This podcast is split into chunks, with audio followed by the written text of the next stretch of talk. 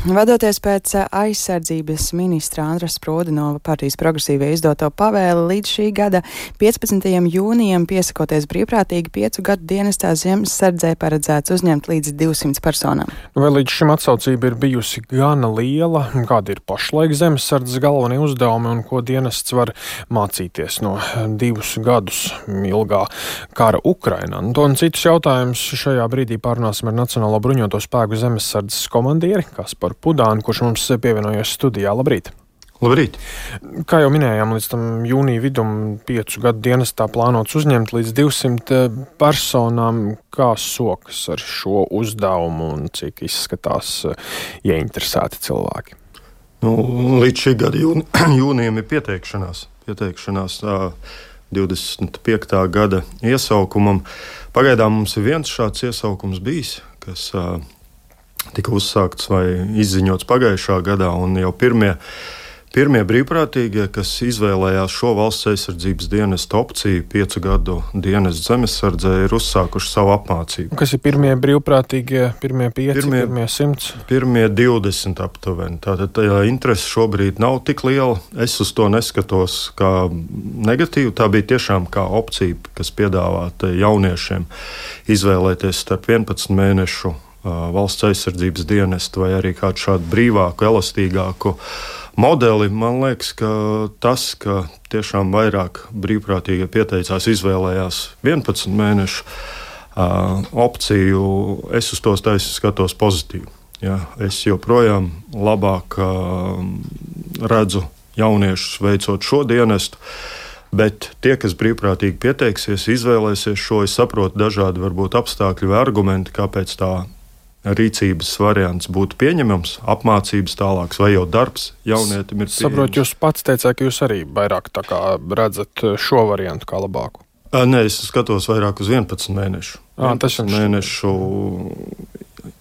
valsts aizsardzības dienestu, kas mums, kā bruņotajiem spēkiem, tiešām piedāvā sagatavot karavīrus mūsu rezerves dienestam. Bet mēs, kā zemesardze, arī jau esam uzsākuši gan abu, abu divu opciju nodrošinājumu valsts aizsardzības dienestā, gan ar 11 mēnešu dienestu vidzemē, vienā no mūsu apakšvienībām, kur uzsākuši 26 valsts aizsardzības dienesta karavīri 11 mēnešu dienestu. Un divās apakšvienībās, divās vienībās zemesardzē uzsākuši arī 5 gadu dienestu. Šajā gandrīz nepilni 20 uh, jaunieši, kas izvēlējās brīvprātīgu opciju. 5 gadi, kur viņiem katru gadu ir minimums vismaz 28 dienas obligāti jāapmeklē mācības. Un, uh, pēc pieciem gadiem viņi, protams, var turpināt dienestu zemesardzē, bet būs arī izpildījuši savu pienākumu pret valsti. Mm, kā jūs kopumā vērtējat šādu uzlikto mērķi, vai tas ir pietiekams? Jūs domājat par 200 brīvprātīgiem, ko uzņemt. Tas vairāk piesaistīts bija pie mūsu kapacitātes, apmācību kapacitātes. Varbūt instruktoru kapacitātes nākamais mērķis īstenībā sākotnēji ieguldītais bija arī pat gadā līdz pat 600 brīvprātīgiem. Bet tā kā tā variants ir brīvprātīgās pieteikšanās. Mums jābūt elastīgiem un jāskatās, vai šī interese turpmāk arī pieaugs. Mans mērķis joprojām ir vairāk tieši rekrutēt, turpināt rekrutēt arī zemesargus. Parastā, mūsu ierastā ceļā, tiešām brīvprātīgos visās vecuma grupās, ne tikai jaunieši, kas ir valsts aizsardzības dienestā. Un skaidrs, ka uh, Skaits varbūt šī pēdējā gada laikā ir atkal nostabilizējies, lai arī interese par iestāšanos zemesardzē joprojām ir. Varbūt nedaudz augstāk arī nekā pirms 22. gada, bet es labprātāk redzētu vēl lielāku interesi un vēlmi apgūt militārās iemaņas, saprast vairāk par to, kādas ir paša spējas un paša psiholoģiska noturība un sapratne par krīzes situācijā. Jo jebkurš, kuru mēs apmācām, kurš var atvēlēt vair, laiku vairāk vai mazāk, bet tomēr ir jau sistēmā ir sagatavots ar pamatzināšanām, un, protams, arī ir daļēji arī mūsu vēstnesis pārējā sabiedrībā. Jūs teicāt, ka šobrīd par šo garo dienestu teiksim, tā, tā interese nav tā pati augstākā. Ir tas cerības, tomēr, ka izdosies sasniegt laikā šīs 200 personas pieteikumus, un arī, ja nē, kas tad notiek, nu, cik nozīmīgs ir šāds rīkojums? Tā būs um, liela pagaidām spekulācija par to, vai sasniegsim. Kā teicu, arī jau pagājušā gadā bija pieteikšanās, arī bija uzlikts mums mērķis, un mēs bijām gatavi uzņemt līdz pat 200, mm -hmm. uh, bet interese bija maza.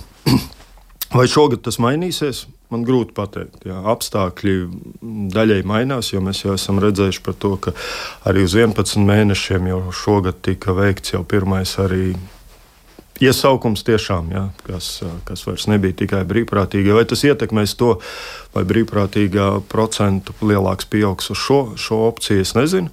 Mēs būsim gatavi, to mēs redzēsim vasarā, tāpēc arī pieteikšanās laiks ir pietiekami mums. Elastīgs mums dodošs laiks, lai mēs varam pārskatīt savus plānus, pielāgot.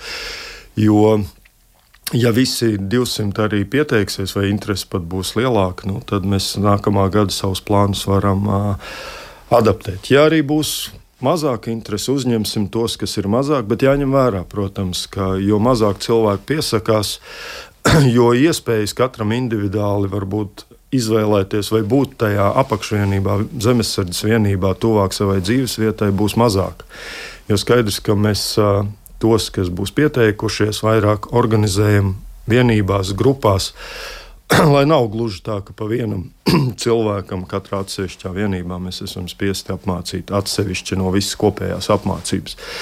Tas uh, apmācībā viņi iekļaujās kopējā apmācībā ar visiem pārējiem zemesargiem, tāpēc es uzskatu, ka gan uh, mūsu vienības, gan infrastruktūra, tāda kāda viņa šobrīd ir, ir pietiekama, uh, lai mēs varētu uzņemt arī šos brīvprātīgos.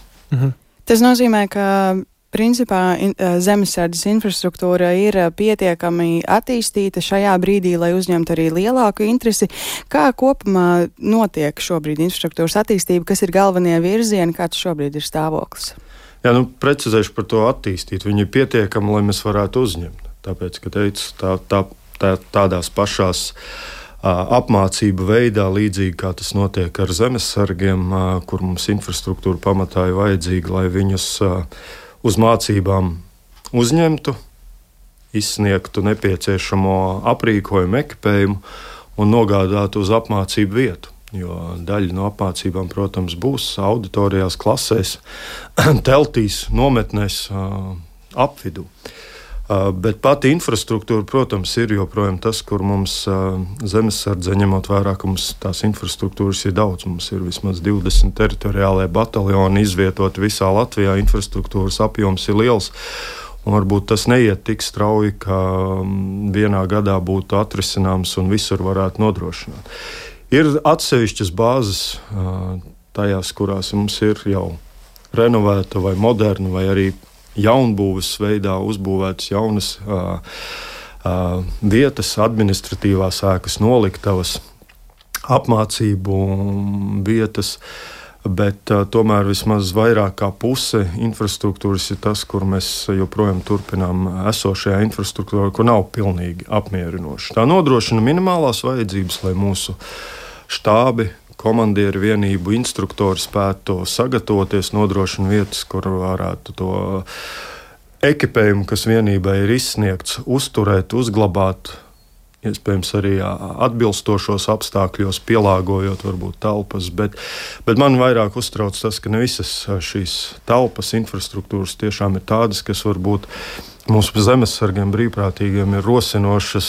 Nu, ir tāds minimums šobrīd, lai iedvesmojošas to redzēt. Protams, saprotam, tā ir militāra vide, militāras mācības, bet es domāju, vismaz ierasties un nobeigt savas apmācības noteikti, ka gribās atbilstošā infrastruktūrā. Nu jā, un um, aizdītā nedēļas nogalē 24. februāris divi gadi apritēja kopš šī Krievijas pilna mēroga iebrukuma Ukrainā.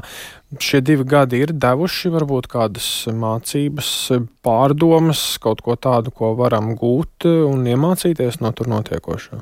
Protams, protams mēs pastāvīgi sekojam. Mums ir arī izveidoti jau dažādās jomās kontakti, kas um, gan ar viņu teritoriālajiem spēkiem, kas ir līdzvērtīgi gan uzdevumos, gan uh, organizācijā uzbūvē, kā mēs darbojamies, gan kopumā par to, kā, kā viņiem ir veicies, kādi bijuši sākotnēji varbūt plāni un kā viņi ir adaptējušies un, un pielieto savas uh, priekšrocības pret uh, varbūt pretinieka pārākumu.